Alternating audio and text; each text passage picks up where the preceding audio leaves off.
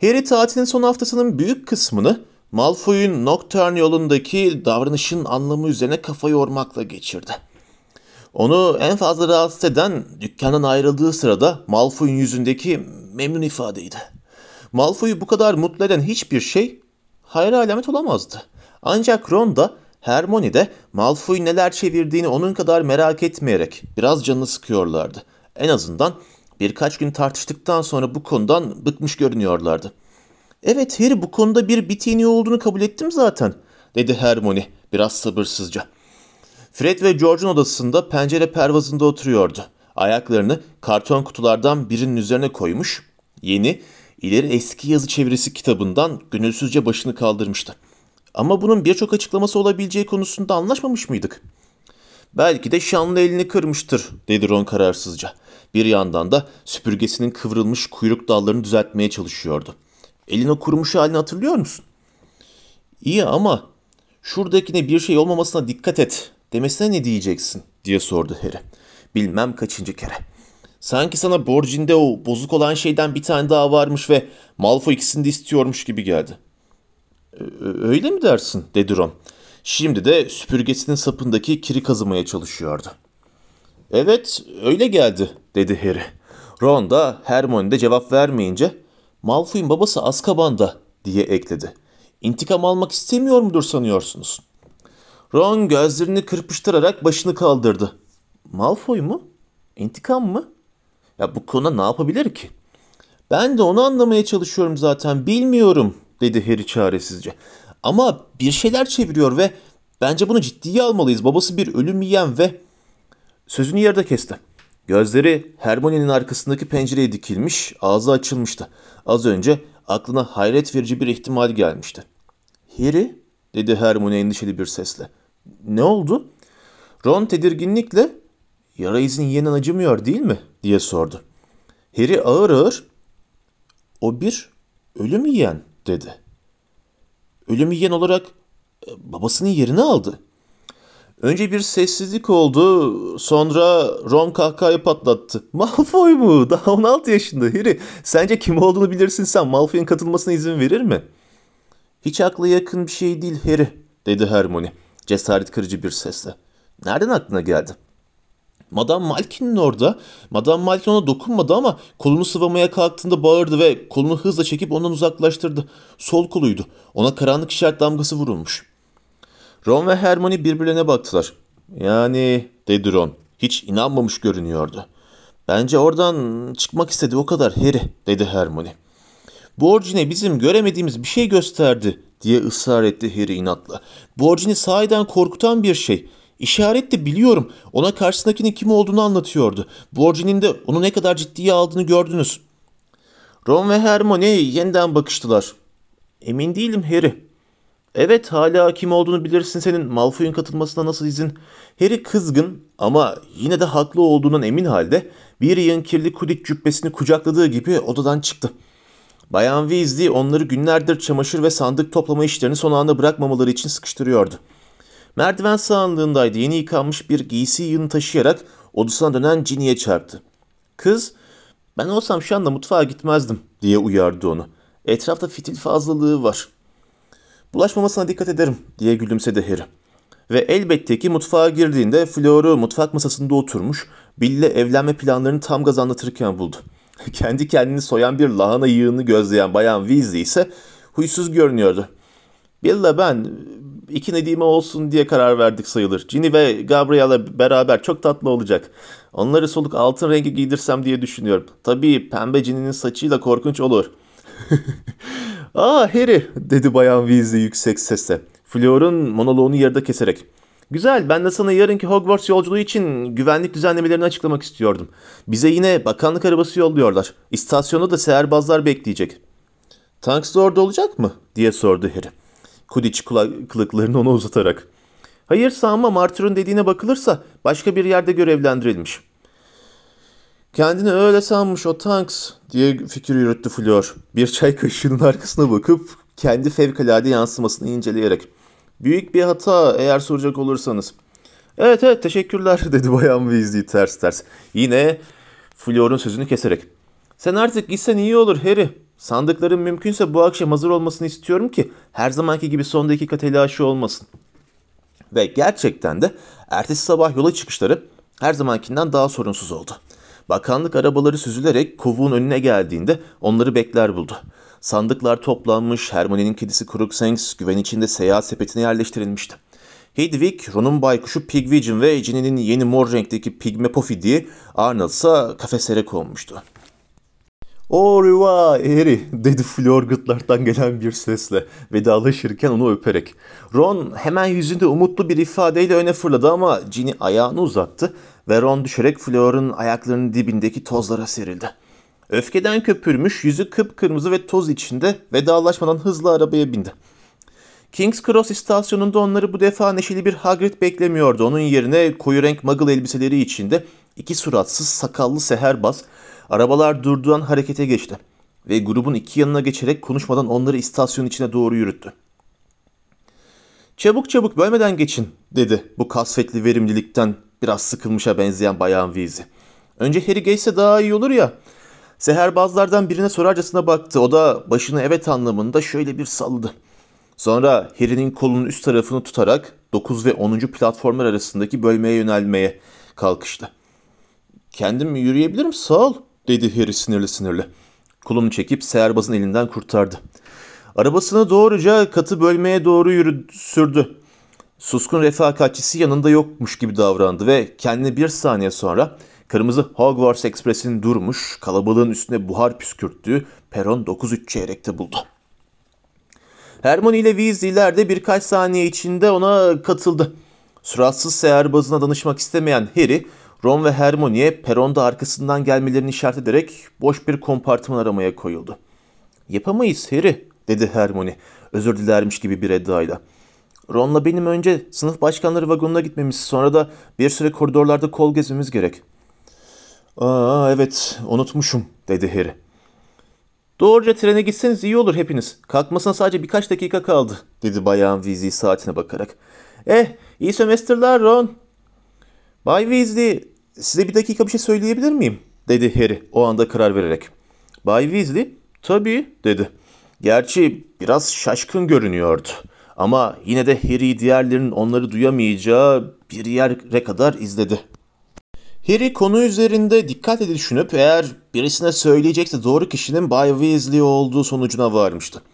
Öncelikle bakanlıkta çalıştığı ve bu yüzden de daha fazla soruşturma yapmaya en uygun durumda olduğu için ve ikinci olarak da Bay Weasley'nin kızıp köpürme riski çok fazla olmadığı için. Uzaklaşırlarken Bayan Weasley ile suratsız seherbazın ikisine kuşku dolu bakışlar attığı görülebiliyordu. Biz Diagon yolundayken diye başladı Harry. Ama Bay Weasley yüzünü ekşiterek ondan önce davrandı. Yoksa sen Ron ve Hermione'nin sözde Fred ve George'un dükkanının arka odasında olmanız gerekirken yok olup nereye gittiğinizi keşfetmek üzere miyim? Peki ama nasıl? Harry lütfen Fred ile George'u büyütmüş olan adamla konuşuyorsun. Şey, evet doğru. Arka odada değildik. Pekala, öyleyse kötü haberi duyalım. İşte e, Draco Malfoy'u izledik. Benim görünmezlik pelerinimi kullandık. Bunu yapmak için belli bir nedeniniz var mıydı yoksa yalnızca aklınıza esti diye mi? Hmm, Malfoy'un bir şeyler çevirdiğini düşündüm, dedi Harry. Bay Weasley'nin yarı kızgın, yarı eğlenmiş bakışını aldırmayarak. Annesini atlatmıştı. Ben de niye olduğunu merak ediyordum. Tabii edersin, dedi Bay Weasley. Kadere rıza göstermiş bir edayla. Ee, niye olduğunu öğrendiniz mi? Borgin ve Burks'e gitti, dedi Harry.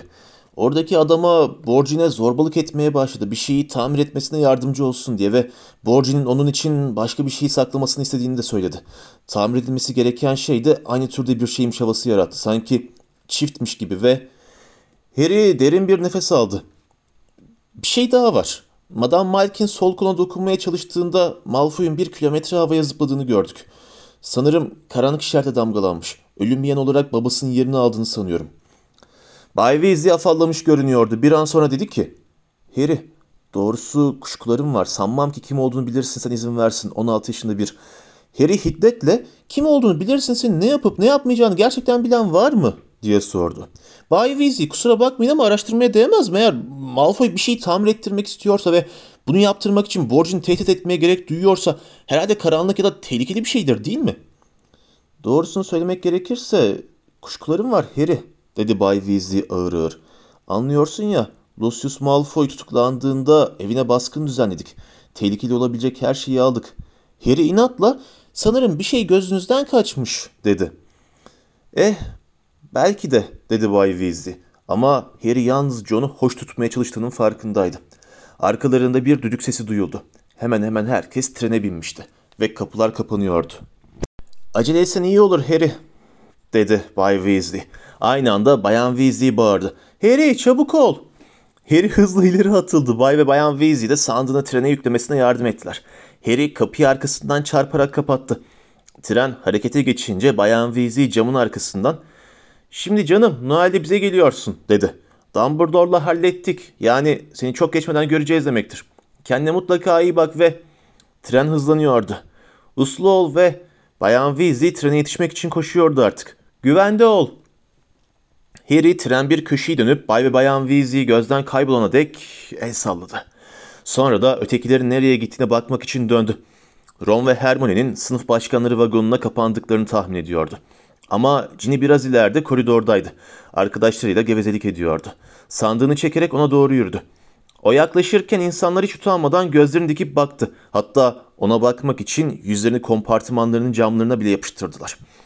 Gelecek postasındaki bütün o seçilmiş kişi söylentilerinden sonra bu semestr kendisine ağzı açık bakan kişi sayısında bir artışa katlanması gerekeceğini biliyordu zaten. Ama yine de parlak sahne ışığında durma hissinden hoşlanmamıştı. Ginny'nin omzuna dokundu. Bir kompartıman bulmayı düşünüyor musun? Yapamam Harry. Dine onunla buluşacağımı söyledim dedi Ginny neşeyle. Sonra görüşürüz. Tamam dedi Harry. O kızıl saçı arkasında dans ederek uzaklaşırken. Harry içinde bir an tuhaf bir öfke hissetti. Yazın onun varlığına o kadar alışmıştı ki. Ginny'nin okulda o Ron ve Hermione ile takılmadığını neredeyse unutmuştu. Sonra gözlerini kırpıştırdı ve etrafına bakındı. Büyülenmiş gibi duran kızlarla çevriliydi. Selam Harry dedi arkasından tanıdık bir ses. Neville dedi Harry.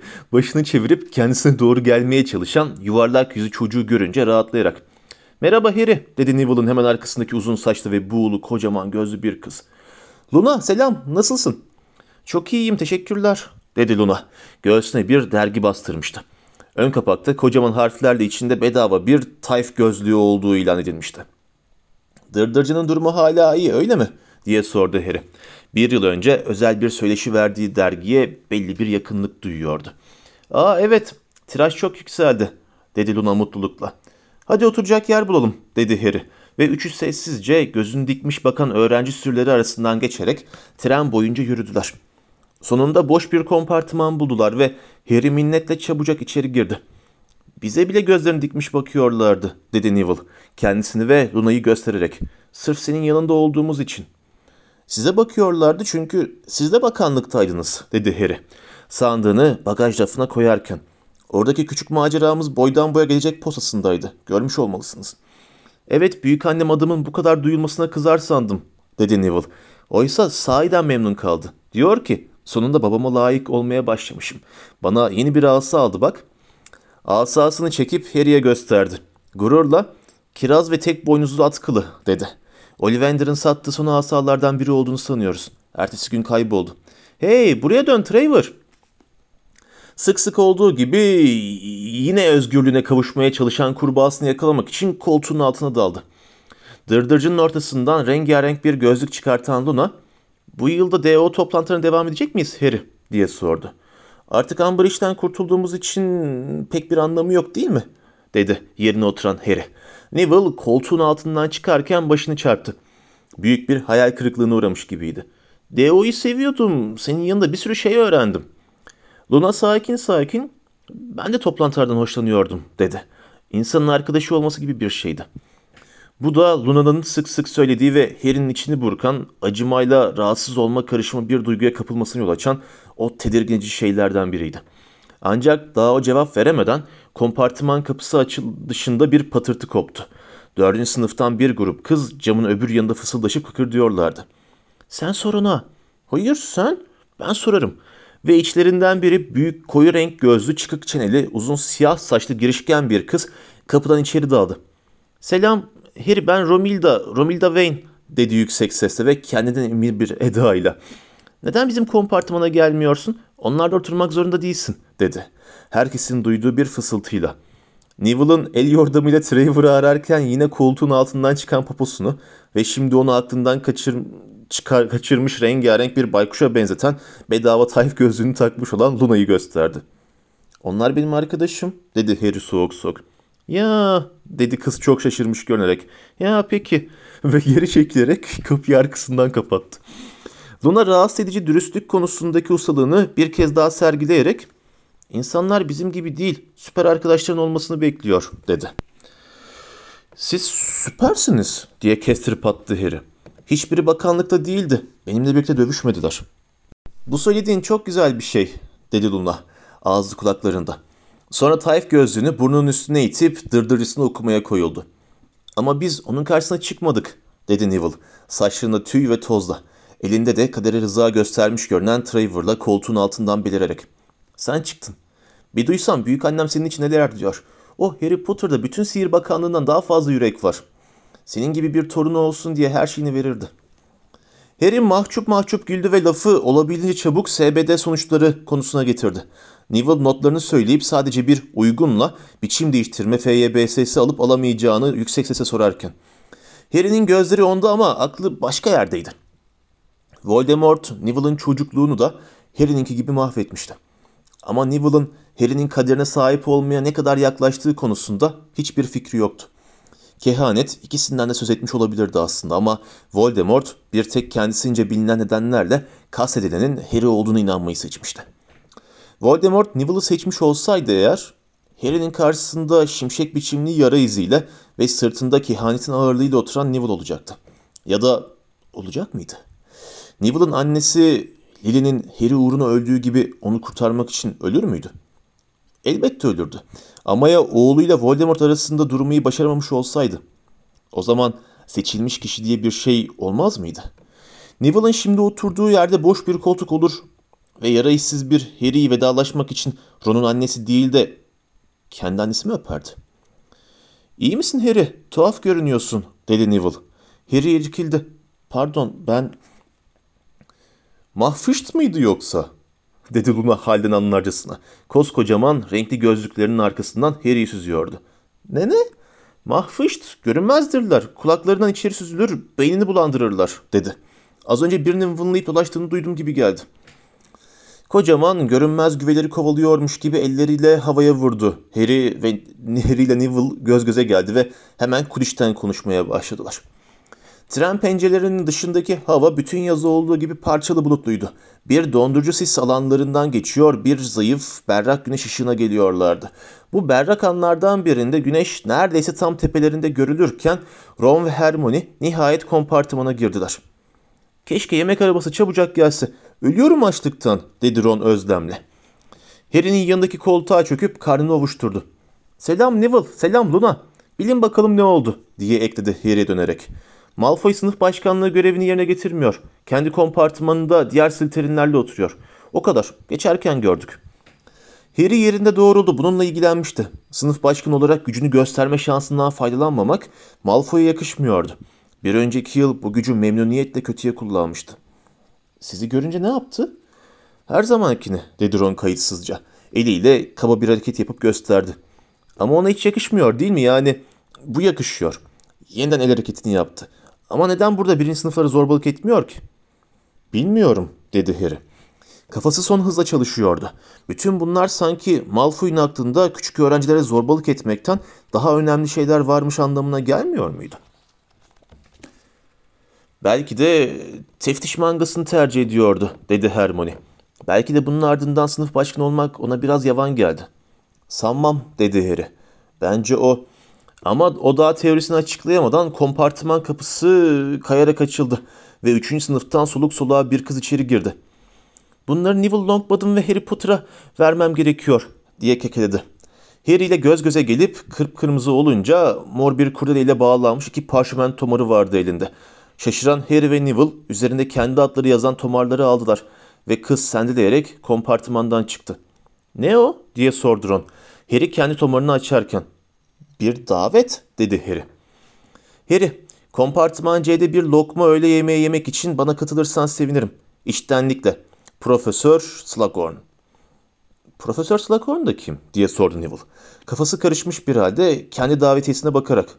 Yeni öğretmen dedi Harry. Eh herhalde gitmemiz gerekir değil mi? Neville tedirgin tedirgin ama beni niye istiyor ki diye sordu. Ceza beklermiş gibi bir hali vardı. Hiçbir fikrim yok dedi Harry. Aslında bu tam anlamıyla doğru sayılmazdı ama henüz ön sesini doğrulayacak kanıtı yoktu. Dinle diye ekledi. Birden aklına bir şey gelerek. Görünmezlik pelerinin altında gidelim. O zaman yolda Malfoy'a iyice bakarız. Neler çevirdiğini görürüz. Ancak bu fikirden bir şey çıkmadı. Öğle yemeği arabasını gözleyenlerle dolu koridorları pelerini giyerek aşmak mümkün değildi. Harry onu üzüntüyle çantasına koydu. Ve aslında trende az önce yürüdüğünden beri daha da yoğunlaşmışa benzeyen bakışlardan kaçınmak için bile pelerini giymenin hoş olabileceğini düşündü. Öğrenciler arada bir ona daha iyi bakmak için kompartımanlardan fırlıyorlardı. Tek istisna Harry'nin geldiğini görür görmez kompartımana dalan Cho Chang'di. Harry camın yanından geçerken onun arkadaşı Marietta ile kararlı bir şekilde koyu bir sohbete dalmış olduğunu gördü. Marietta hala yüzüne kazınmış olan tuhaf sivilce oluşumunu tamamen kapayamayan çok ağır bir makyaj yapmıştı. Harry hafiften sırıtarak yoluna devam etti. Kompartıman C'ye geldiklerinde Slughorn'un davetlilerinin onlardan ibaret olmadığını hemen gördüler. Ancak Slughorn'un coşkuyla karşılayışına bakılırsa en hararetle beklenen Harry'di. Harry oğlum dedi Slughorn. Onu görünce sıçradı ve kadife kaplı koca karnı kompartımanda boş kalan her yeri dolduracak gibi göründü. Pırıl pırıl parlayan açık tepesi ve büyük gümüş rengi bıyığı güneşte yeleğinin altın düğmeleri kadar parlıyordu. Seni görmek ne güzel, ne güzel. Siz de Bay Longbottom olmalısınız. Korkmuş görünen Neville evet anlamında başını salladı. Slughorn eliyle bir hareket yapınca kapıya en yakın olan geriye kalmış iki boş yere karşılıklı oturdular. Harry diğer konuklara baktı. Kendi döneminden bir Slytherin tanıdı. Çıkık elmacık kemikleri ve uzun çekik gözleri olan uzun boylu siyah bir çocuktu. Yedinci sınıftan Harry'nin tanımadığı iki çocuk da vardı. Bir de köşede Slughorn tarafından ezilmiş, niye orada olduğunu tam olarak anlamamış gibi duran Ginny. Şimdi herkesi tanıyor musunuz? diye sordu Slughorn, Harry ile Neville'a. Blaze Zabini sizin döneminizden tabii. Zabini tanıma ya da selam verme belirtisi göstermedi. Harry ile Neville'da. Gryffindor'da Slytherin öğrencileri ilki olarak birbirinden nefret ederdi. Bu da Cormac McLaggen. Belki karşılaşmamışsınızdır. Hayır mı? İri yarı dik saçlı bir genç olan McLaggen elini kaldırdı. Harry ile Neville da onu bakıp başlarını salladılar. Ve bu da Marcus Belby. Bilmiyorum ama zayıf ve sinirli görünüşlü Belby gergin gergin gülümsedi. Ve bu çekici küçük hanım seni tanıdığını söylüyor diye bitirdi Slughorn. Ginny Slughorn'un arkasından Harry'e Neville'a bakıp yüzünü buruşturdu. Eh işte bu hoş çocuk dedi Slughorn samimiyetle. Hepinizi biraz daha iyi tanımak için iyi bir fırsat bu. Buyur bir peçete al. Ben kendi yemeğimi yanımda getirdim. Çünkü arabadakiler hatırladığım kadarıyla meyan kökü asası ağırlıklıdır. Ve zavallı bir ihtiyarın sindirim sistemi de böyle şeylere uygun değildir. Sülün ister misin Belbi? Belbi irkildi ve yarım soğuk sülüne benzeyen şeyi kabul etti. Genç Markus amcası Damokles'e ders verme mutluluğuna eriştiğimi söylüyordum, dedi Slughorn, Harry ile Neville'a. Bu sefer bir sepet dolusu börek ikram etti. Kalburüstü bir büyücü, kalburüstü ve Merlin nişanı da gerçekten layık biri. Amcanı sık sık görüyor musun Markus? Ne yazık ki Belby az önce koca bir lokma sülünü ağzına atmıştı. Slughorn'a cevap verme telaşıyla fazla çabuk yuttu. Mosmor kesildi. Boğulur gibi oldu. Slughorn asasını Belby'ye çevirerek sükunetle ''Anap ne o?'' dedi. Belby'nin nefes borusu hemencecik açılmış gibiydi. Pek pek fazla görmüyorum. Hayır, dedi Belby soluk soluğa. Gözlerinden yaşlar akıyordu. Eh tabii eminim ki meşguldür, dedi Slughorn soru sorarcasına ona bakarak. Hiç sanmıyorum ki kurtbağın iksiri gibi bir iksir çok sıkı çalışmadan icat edilebilsin. Sanırım, dedi Belby. Slughorn'un onunla işinin bittiğinden emin olana kadar sülünden bir ısırık daha almaya korkuyor gibiydi. Şey, onunla babam pek iyi geçinmezler anlarsınız ya. Bu yüzden de gerçekten pek fazla şey... Sesi azalıp kesilirken Slughorn ona soğuk bir tebessümle baktı ve onu bırakıp McLagan'a döndü. Peki sen Cormac dedi. Senin amcan Tiberius'u sık sık gördüğünü biliyorum. Çünkü onda ikinizin odun kuyruk avlarken harika bir resminiz var. Norfolk'taydı değil mi? Aa evet, o keyifliydi gerçekten, dedi McLagan. Bertie Hicks ve Rufus Scrimgeour ile gittik. O bakan olmadan önce elbette. Oo, demek Bertie ile Rufus'u tanıyorsun, dedi Slughorn, ağzı kulaklarında. Şimdi herkese üstünde kekler olan küçük bir tepsi tutuyordu. Bir şekilde Belby'yi es geçti. Şimdi anlat bakalım. Harry'nin şüphelendiği gibiydi. Buradaki herkes tanınmış ya da nüfus sahibi biriyle bağları olduğu için davet edilmişti. En azından Ginny hariç herkes. McLagan'dan sonra sorguya çekilen Zabini'nin güzelliğiyle nam salmış bir cadı annesi olduğu anlaşıldı. Harry'nin çıkartabildiği kadarıyla yedi kere evlenmişti. Kocaların hepsi esrarengiz şekilde ölmüş ve ona yığınla altın bırakmıştı. Sıra Neville'daydı. Çok rahatsız edici bir 10 dakika oldu çünkü Neville'ın tanınmış seherbazlar olan annesiyle babası Bellatrix Lestrange ve iki ölüm yiyen kafadarı tarafından işkenceyle çıldırtılmıştı. Neville'ın mülakatının sonunda Harry, Slughorn'un annesinin ya da babasının yeteneğine sahip olup olmadığını anlayana kadar onu yargılamayı ertelediği izlenimine kapıldı. Ve şimdi de, dedi Slughorn, yıldız sanatçısını takdim eden bir eğlence programı sunucusu havasıyla, koca cüssesini koltuğunda kaydırarak. Harry Potter, nereden başlamalı? İçimde geçen yaz karşılaştığımızda anca yüzeyi kazıdım gibi bir duygu var. Sanki büyük ve lezzetli bir sülüm parçasıymış gibi bir an Harry'i gözden geçirdikten sonra devam etti. Şimdi sana seçilmiş kişi diyorlar. Harry hiçbir şey demedi. Belby, McLagan ve Zabini ona bakıyorlardı. Tabii dedi Slughorn. Harry'i daha yakından inceleyerek. Yıllardır söylentiler var. Hatırlıyorum şey o kadar o korkunç akşamın ardından Lily, James ve sen sağ kaldın.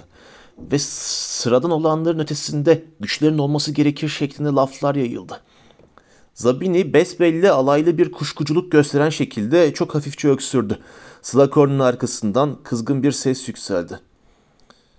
Evet Zabini, çünkü sen çok yeteneklisindir ya, poz atma da.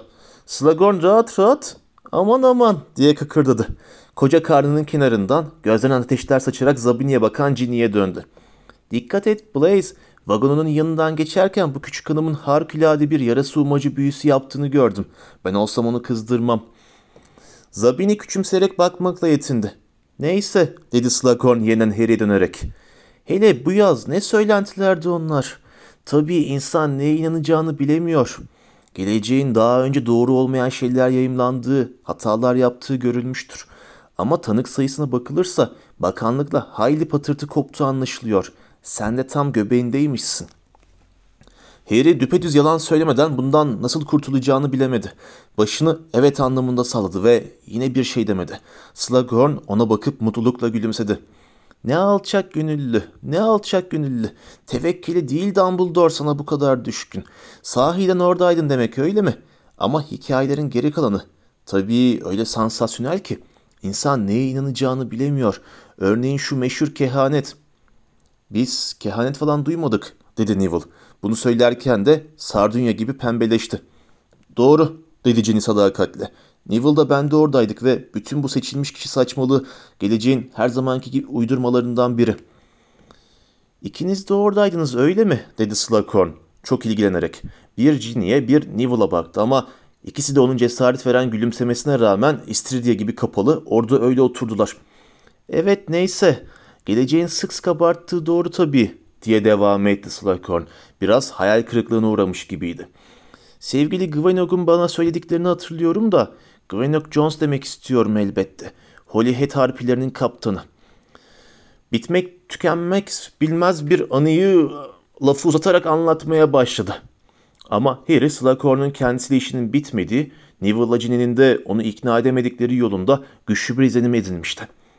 Öğleden sonra Slughorn'un ders verdiği ve hepsi de Hogwarts'taki Slug kulübüne katılmaktan sevinç duymuş olan şöhretli büyücülere ilişkin anekdotlarla geçmek bilmedi.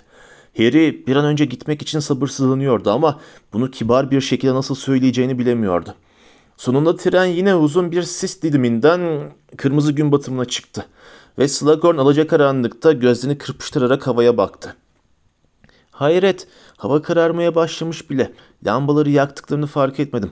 Gidip de cübbelerinizi giyseniz iyi olur. McLagan bir ara uğrayıp odun kuyruklar hakkındaki o kitabı ödünç almalısın. Harry, Blaze ne zaman yolunuz düşerse buyurun. Aynı şey sizin için de geçerli küçük hanım dedi Ginny'e göz kırparak. Hadi bakalım gidin şimdi. Zabini Harry'i itip karanlıklaşan koridora çıkarken ona pis bir bakış fırlattı. Harry de bu bakışı aynen iade etti.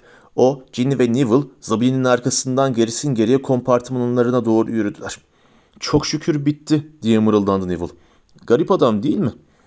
Evet garip biraz dedi Harry. Gözleri Zabini'nin üstünde. Sen oraya nasıl geldin Ginny?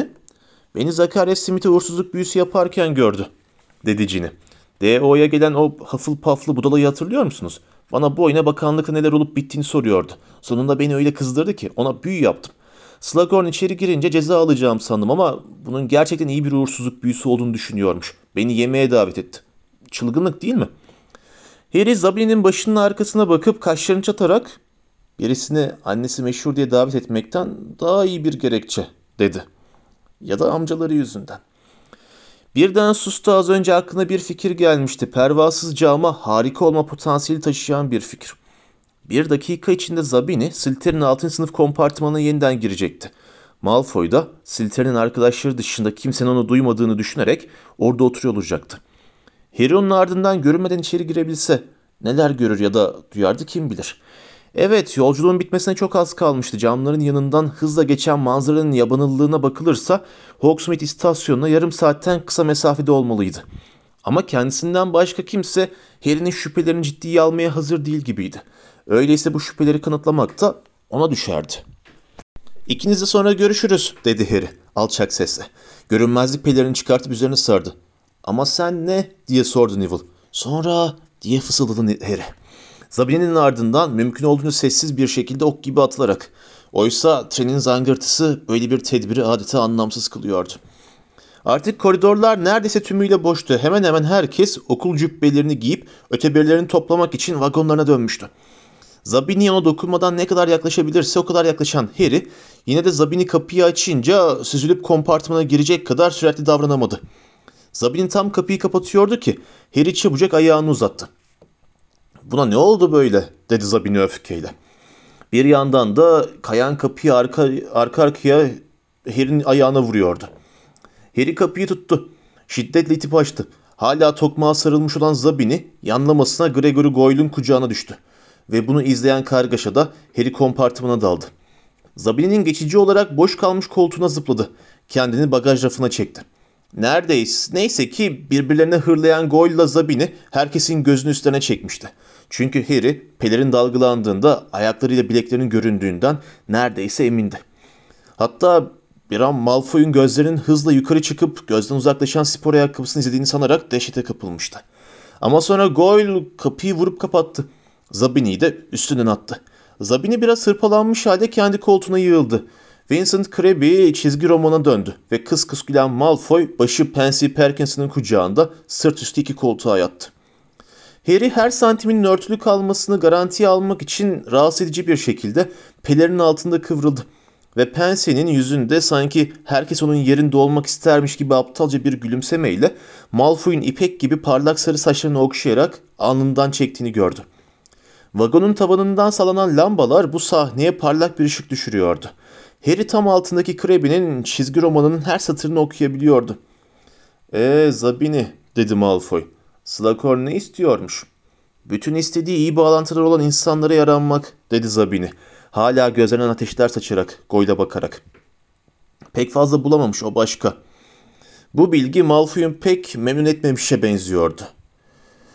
Başka kimleri çağırmıştı diye sordu. Gryffindor'dan McLagan dedi Zabini. Ha evet amcası bakanlıkta önemli biri dedi Malfoy. Belby diye başka biri Ravenclaw'dan. Yok canım o gıcığın teki dedi Pansy. Ve Longbottom, Potter ve o Weasley denen kız diye bitirdi Zabini. Malfoy birden doğruldu. Pansy'nin elini kenara itti. Longbottom'u mu davet etmiş?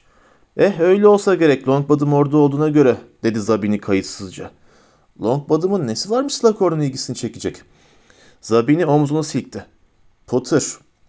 Kıymetli Potter belli, belli ki seçilmiş kişiye bir göz atmak istedi diye dudak büktü Malfoy. Ama Weasley denen o kız. Onun nesi özel? Ondan hoşlanan çok oğlan var dedi Pansy.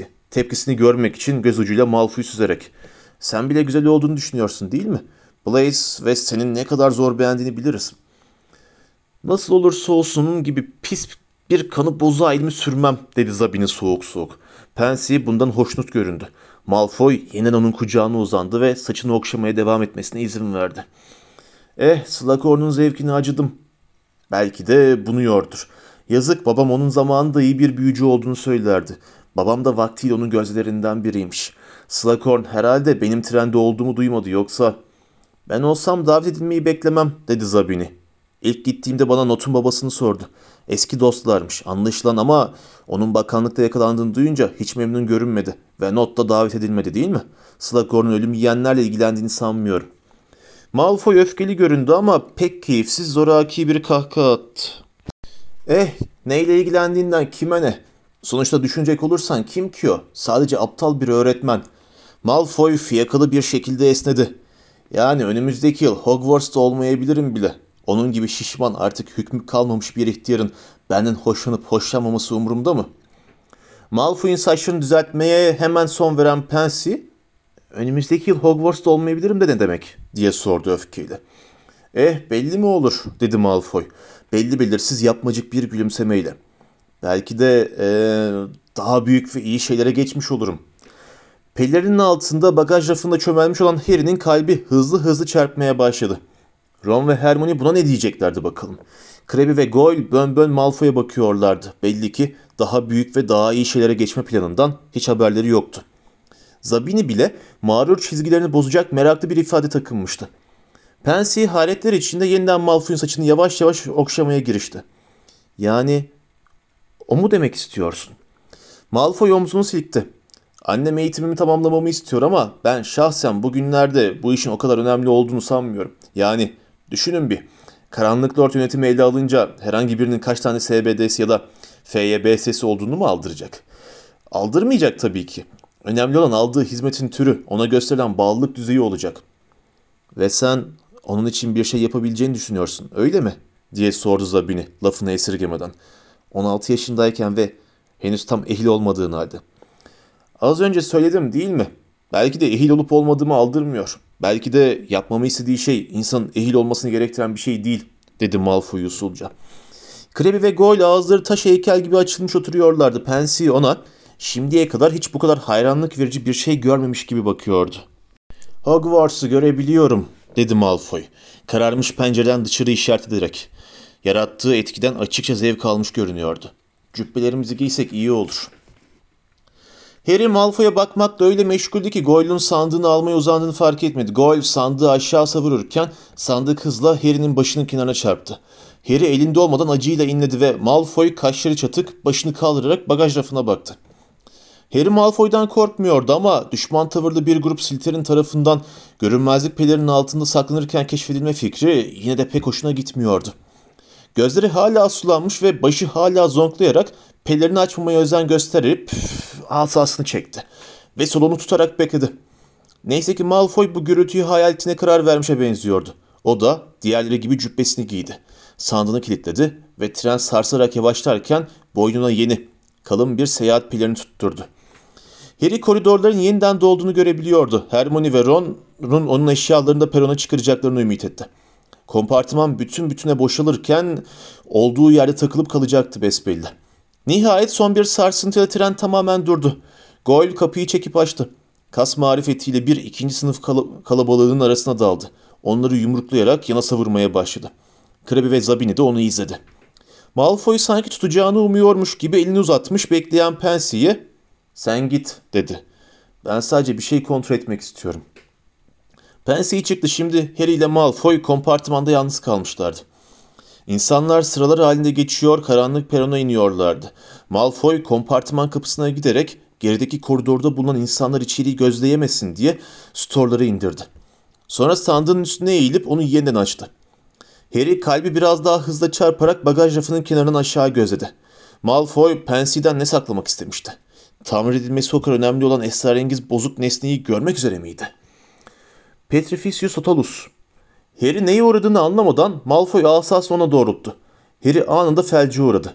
ağır çekimleymiş gibi bagaj rafının aşağı yuvarlandı ve ıstıraf verici, döşemeyi sarsıcı bir çatı, çatırtıyla Malfoy'un ayaklarının dibine düştü. Görünmezlik pelerini altına sıkıştı kaldı. Bütün bedeni ortaya çıkmıştı. Bacakları diz çökme pozisyonunda gülünç bir şekilde kıvrılıp kalmış haldeydi. Tek bir kasını bile oynatamıyordu. Sadece gözlerini yukarı dikip ağzı kulaklarında gülümseyen Malfoy'a bakabiliyordu. Malfoy sevinçten uçarak ben de öyle düşünmüştüm dedi. Goylun sandığının sana çarptığını duydum. Zabini geri döndükten sonra da beyaz bir şeyin havada uçtuğunu gördüm sanmıştım. Gözleri bir an için Harry'nin spor ayakkabılarında durdu. Sanırım Zabini geri döndüğünde kapıyı engelleyen de sendin öyle mi? Bir an Harry'e baktı. Önem verdiğim herhangi bir şey duymadın Potter. Yine de hazır sen buradayken. Ve Harry'nin yüzüne kuvvetle bastı. Harry burnunun kırıldığını hissetti. Ve her yere kan fışkırdı. Bu babamdan. Şimdi dur bakalım. Malfoy pelerini Harry'nin hareketsiz vücudunun altından çekip çıkardı ve üstüne attı. Tren Londra'ya dönene kadar seni bulacaklarını sanmıyorum dedi usulca. Görüşürüz Potter ya da belki görüşmeyiz. Ve Malfoy Harry'nin parmaklarını ezmeye özen göstererek kompartımandan çıktı.